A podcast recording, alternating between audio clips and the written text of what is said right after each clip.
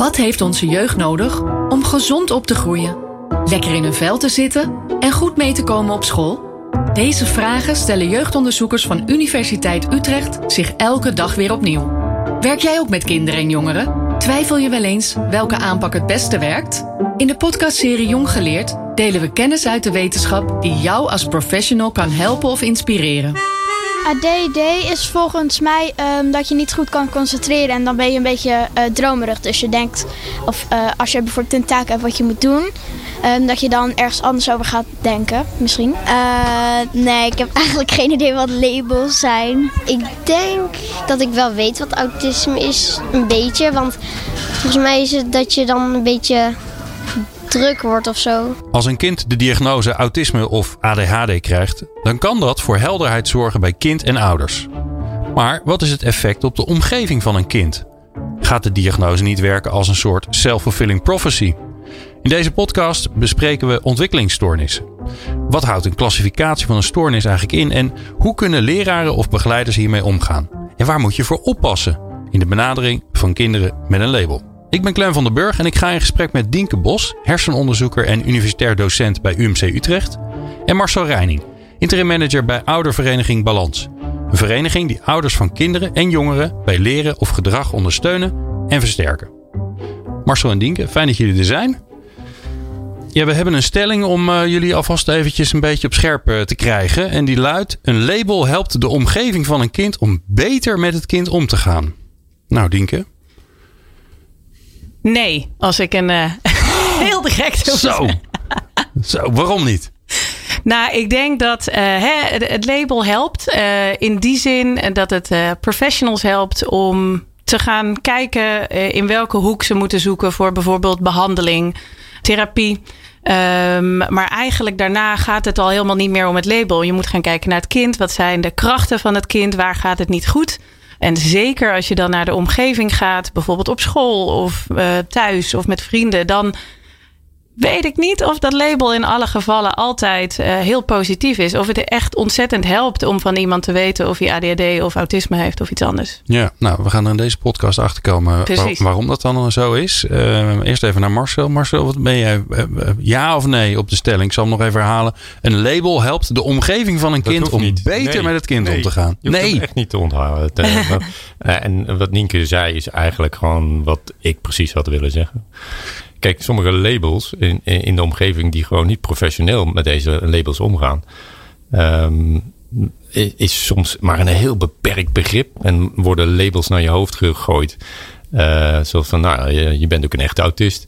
Mm. Of, uh, nou, uh, de echte ADHD'er. Ja, wat heeft zo iemand eraan? Ik ben geen ADHD'er of autist. Ik ben Marcel, of ik ben Pieter, of ik ben Mar Marian.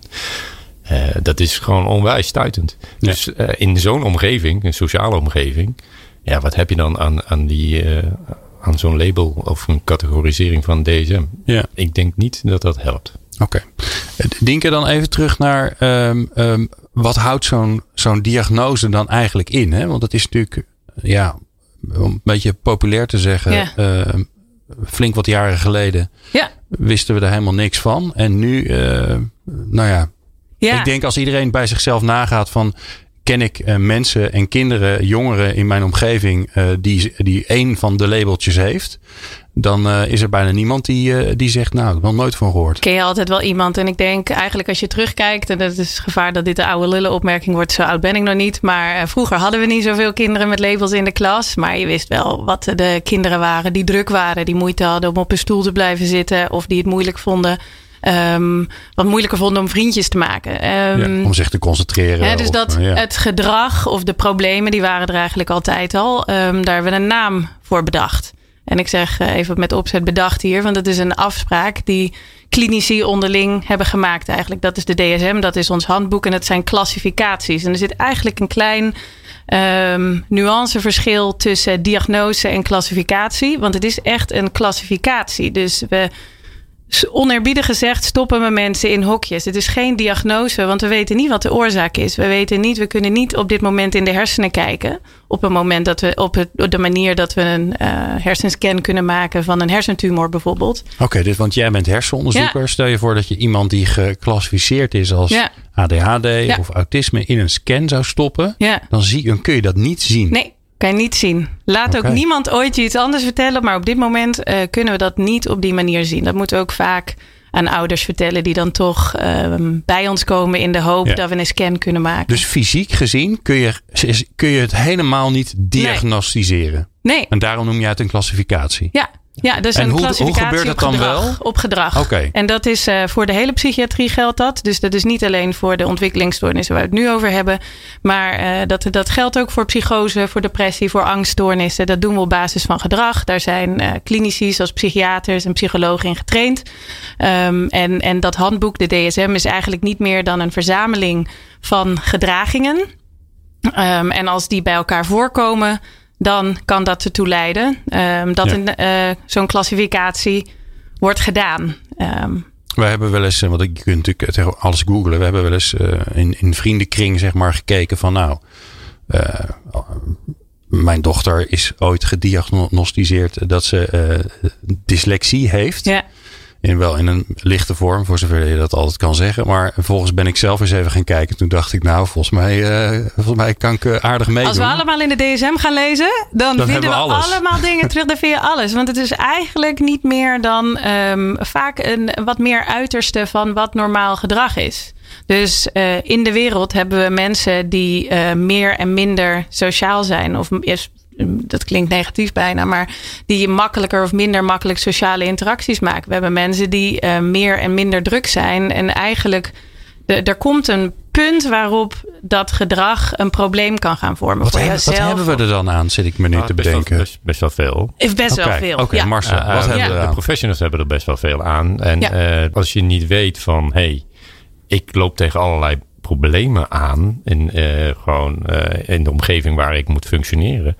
Eh, ligt dat nou aan mij of ligt het Ja. aan de omgeving? Kan ik daar wat aan doen? Moet ik daar training voor hebben? Of moet ik iets aan gaan veranderen? Je voelt je een beetje gek, zou ik maar zeggen. En dan ga je jezelf twijfelen. En dat hoeft helemaal niet, want jij bent gewoon bijzonder zoals je bent. Je bent daar ook uniek in. Maar je kunt dan op een gegeven moment gaan zoeken van, nou, maar dit herken ik wel in de categorie en dat juist weer niet.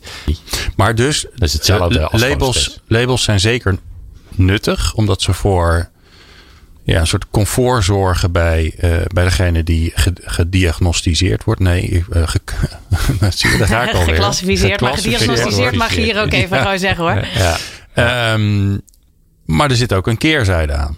Er zit absoluut een Ja. keerzijde aan. Want als je daar gewoon met eh, niet-professionals over praat en, en je, je, je gooit dan in één keer van, ik ben autist, dan ja, weet iemand wat, wat een autist is? Of loopt hij met algemeenheden in, in, eh, in zijn hoofd over wat een autist is? Oh, nou, dus, dus jij bent zo. En dus dan begin ik. eh, eh, dan Maar laten we, even, laten we even de generalisatie doen.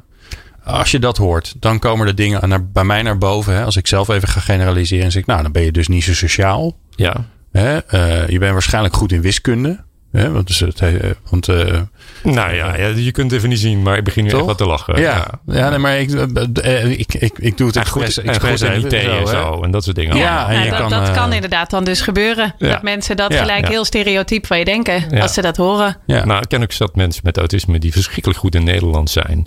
eh, maar niet zo heel erg goed met wiskunde hoor. Ja. Dus, nogmaals, je kent dus iemand niet met een klassificatie. Maar, Maar zelfs, is dat het gevaar? Dat, dat er een soort stigma dus opkomt van, oh, dus je bent zo? Ja, dat Ja. is het gevaar. Dus, eh, de stigmatisering, hè, dus, eh, dat, dat is het grootste gevaar eh, van...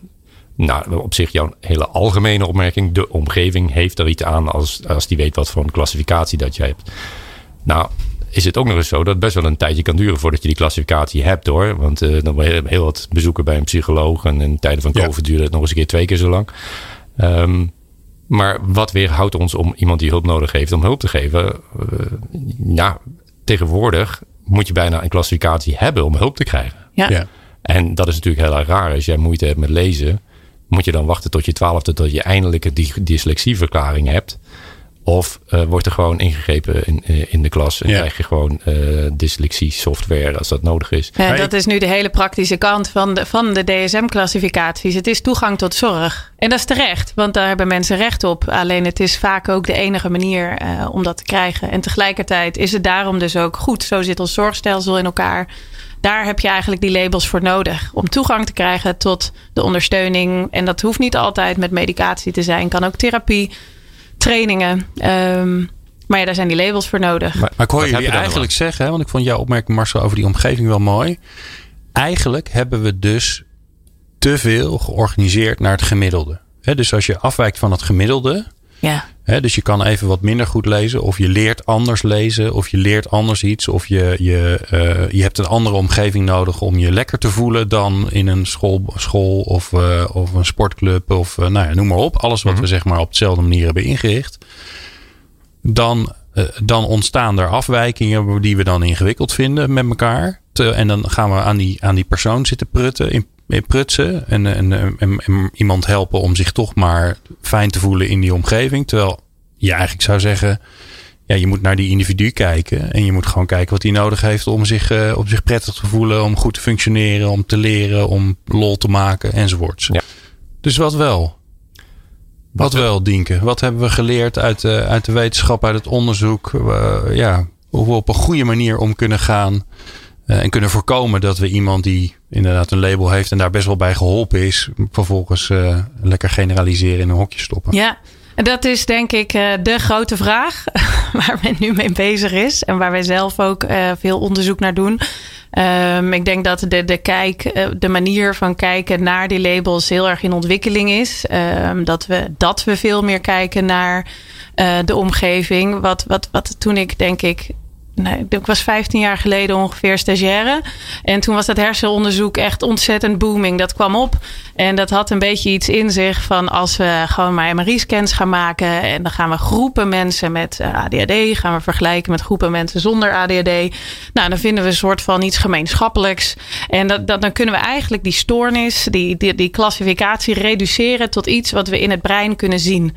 En um, ik denk dat als we iets hebben geleerd, is dat de realiteit niet zo in elkaar zit. En dat... Want in 15 jaar geleden was dat een beetje de hypothese. Ja. En nu ben je 15 jaar verder en zit Ja, je hier en, en- zeg je, we kunnen de niets indiv- zien. weten we eigenlijk, de individuele variatie is tussen mensen is zo groot. En ook tussen mensen met ADHD, tussen mensen, mensen die, de, die hetzelfde labeltje hebben gekregen. Die variatie is eigenlijk nog zo groot. En er is natuurlijk wel iets gemeenschappelijks. Ehm, want we hebben niet voor niets hebben we die mensen. Eh, hè, lijken, ze een beetje op, lijken ze een beetje op elkaar? Ehm, hebben ze min of meer dezelfde problemen? Maar ehm, en wat we daarbij heel erg hebben gedaan, is dat we eigenlijk alles eraan hebben gedaan om altijd de omgeving juist weg te nemen. Als we nou alles controleren, dus um, in een heel, heel prikkelarme omgeving doen we dat vaak in zo'n lab. Dus ook als we taakjes afnemen, dan zitten kinderen achter een bureautje in een kamer waar zo min mogelijk uh, afleiding is. Maar ja, wanneer zitten kinderen nou in een kamer dat er eigenlijk geen afleiding is? En laat staan hoe is dat op school, in de klas. Um, en wat ik heel leuk vind, en waar ik zelf ook mee bezig ben, dus daarom zeg ik dit heel graag. maar um, is dat er juist veel meer aandacht komt voor de omgeving. Dus een, een kind um, of een jongere zit nooit in die hele kale, prikkelarme omgeving. Um, je bent altijd in een situatie, zelf of met andere mensen. Het maakt ook nog eens uit hoe je hebt geslapen. Of dat je lekker in je vel zit of niet. En, um, en, en, dat is een beetje de volgende stap. We gaan eigenlijk weer een beetje terug. Ondanks dat er een enorme klassificatiedrift is, gaan we denk ik toch ook wel weer terug naar uh, meer aandacht voor het individu. En ik denk dat dat heel goed is. Ja, autisme is pas vervelend als het storend is. En dat is vaak door de omgeving bepaald. Ja. En we hebben het nu over hersenonderzoek. Maar uh, vroeger, ja, vroeger dachten we ook van nou, we gaan gewoon genetisch even kijken hoe je in elkaar zit. En dan zeggen nou, je hebt dit, en je hebt dat, en je hebt zus en je hebt zo. De oorzaken, waar komt iets nou vandaan, is eigenlijk verschrikkelijk complex. Klassificaties kunnen helpen om jezelf snel te leren kennen. Uh, en te zeggen van, wat herken ik dan wel en wat herken ik nou niet aan die klassificatie? En dan kan dat zelfs meerdere klassificaties zijn. Daarmee leer je jezelf kennen. Dan weet je van, hé, hey, dit is wat mij uniek maakt. En van, als je dan weet van, hé, hey, daar ben ik niet uh, uitzonderlijk in. Hè, de, de, Ja, we- dat geeft comfort. dat geeft al, al, al comfort. En het tweede is dus dat je denkt van, oké, waar ben ik dan goed in? En als je dan weet van, hé, hey, ik ben goed in daar en daar en dat. Maar wat heb ik daar nou voor nodig? Zodat ik eigenlijk, oh ja, ik heb er een beetje een hekel aan. Maar zo- zodat ik in mijn kracht blijf staan. Mhm. eh, en niet in mijn valkuilen val. Ja. Eh, dus En eigenlijk is dat voor Ja. alle kinderen super belangrijk. Nou ja, sterker nog, eh, wat heeft een kind met autisme nodig? Een goede leerkracht. En dat is gewoon exact dezelfde leerkracht dan het kind zonder autisme. Ja. Een leerkracht ziet het kind, ziet het, de potentie en weet wat het kind nodig heeft om tot leren te komen. Is dat een bijzondere klassificatie voor een leerkracht? Ik hoop het niet. Dus het is niet Maar dat is ook een leerkracht die, die tijd en ruimte heeft. Die eh, tijd en ruimte Ja, nou, krijgt. hebben, we- nou, hebben we het in hoeverre dat we als maatschappij het geregeld Toch? hebben dat wij leerkrachten hebben die alle zicht hebben op een eh, kind, eh, die alle tijd hebben om de zorg aan te kunnen bieden. Eh, doen we die investering wel? Want Ja, we en moeten en met z'n zonder, dat het, zonder het stigma wat erbij gepaard gaat. Of de ideeën of kennis die iemand misschien heeft over zo'n klassificatie. Dus als een kind terugkomt bij jou in de klas. En eh, heeft inmiddels het label ADHD gekregen of autisme. ehm, dan Een rugzakje. een rugzak. Dan is het denk ik bijna ja, eh, niet te voorkomen dat jij je beeld aanpast van dat kind. En, en dat doe je soms, dat doe je denk ik volledig onbedoeld. Alleen hè, we hebben toch allemaal een beeld van wat een ADHD'er, ik doe nu air quotes, Ja. wat een ADHD'er is. Of wat eh, iemand met autisme is. En ehm, dat kleurt je beeld van iemand. En dat is eigenlijk helemaal niet de bedoeling. Eigenlijk zou Want dan je... wordt het zo'n soort self-fulfilling Ja, prophecy, ja. toch? Ja, ik zelf. Ik heb zelf ADHD. Nou, het betekent zeker niet alle dagen heel druk. Ik ben wel iets drukker dan normale kinderen. Zeg maar zonder ADHD. Ehm, en soms is het ook heel vervelend met concentratie. Want je raakt je concentratie heel snel kwijt. En soms in de les is dat heel moeilijk op school. En ik weet niet wat autisme is. En ik vind het ook niet heel belangrijk om het van iemand te weten. Ik heb er wel eens van gehoord. En volgens mij is het iets van een aandoening of zo. Dat je volgens, iets van niet zo goed ehm, eh, kan lezen wat mensen denken. Dus als ik verdrietig ben, dat mensen met autisme dat dan niet zo goed kunnen zien. Volgens mij is het helder. Oh, nou fijn. Ja, maar het- want eigenlijk is het, het concept is eigenlijk best wel overzichtelijk. Alleen de uitvoering is volgens mij ingewikkeld. Want het concept Ja. is, kijk naar een kind. Ja. Naar hoe, hoe elk kind is. Ehm, en, en pas alsjeblieft op met die labels. Omdat, je, omdat dat jouw, jouw beeld wat je hebt als professional van zo'n kind enorm kan gaan kleuren. Ja. Ja, heb ik het goed, beetje goed Dat, dat samengevat? heb je goed. En het grappige is dus dat het kind zelf eh, vaak, naarmate het eh, meer jonger is, best wel weet van hoe die in elkaar zit en, we, eh, Ja. en, en hoe die benaderd moet worden, waar die behoefte aan heeft.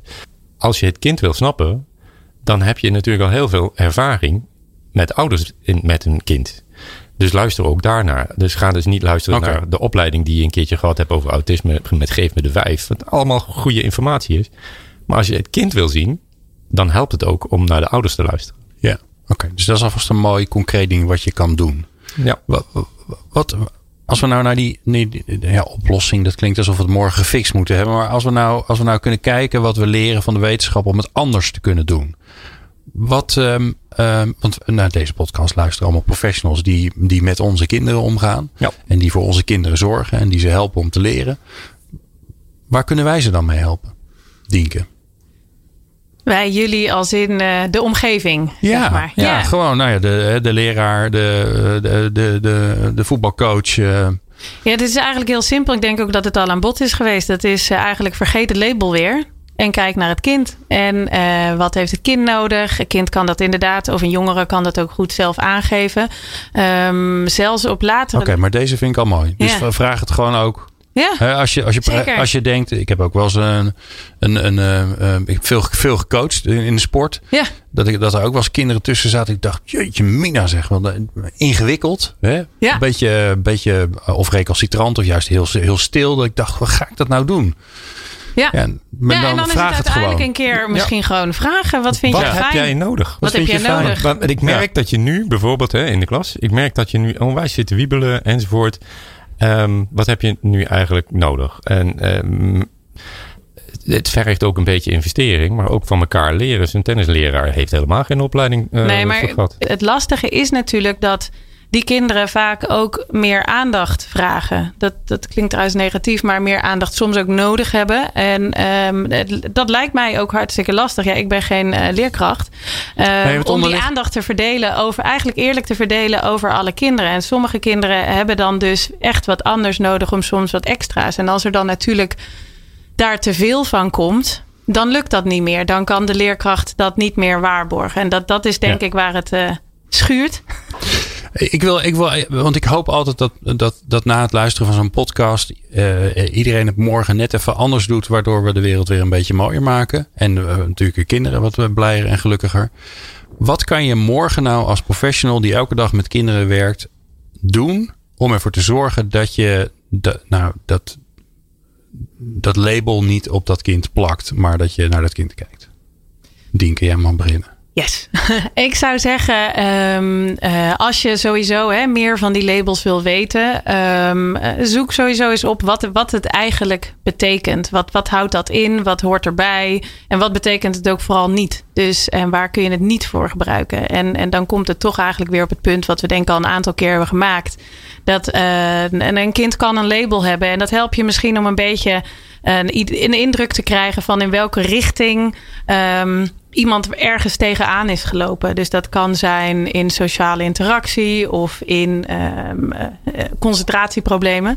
Um, dat label definieert niet wie die persoon is. Uh, absoluut niet. Dat, dat heeft geholpen in diagnostiek. Dat heeft geholpen om hopelijk toegang te krijgen tot zorg of tot ondersteuning als het nodig was.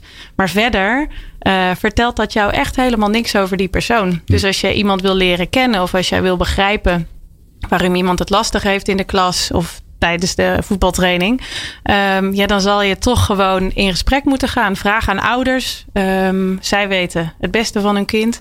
Um, en ja, vraag toch. het kind zelf. En vraag het kind zelf. We hadden het net ook over. Vraag het kind zelf. Ja. ja dus de, het, het, het ja, Marcel, dat is mooi, want dat is gelijk een mooi bruggetje. Wat zou jij uh, onze luisteraars adviseren? Wat kunnen ze morgen doen?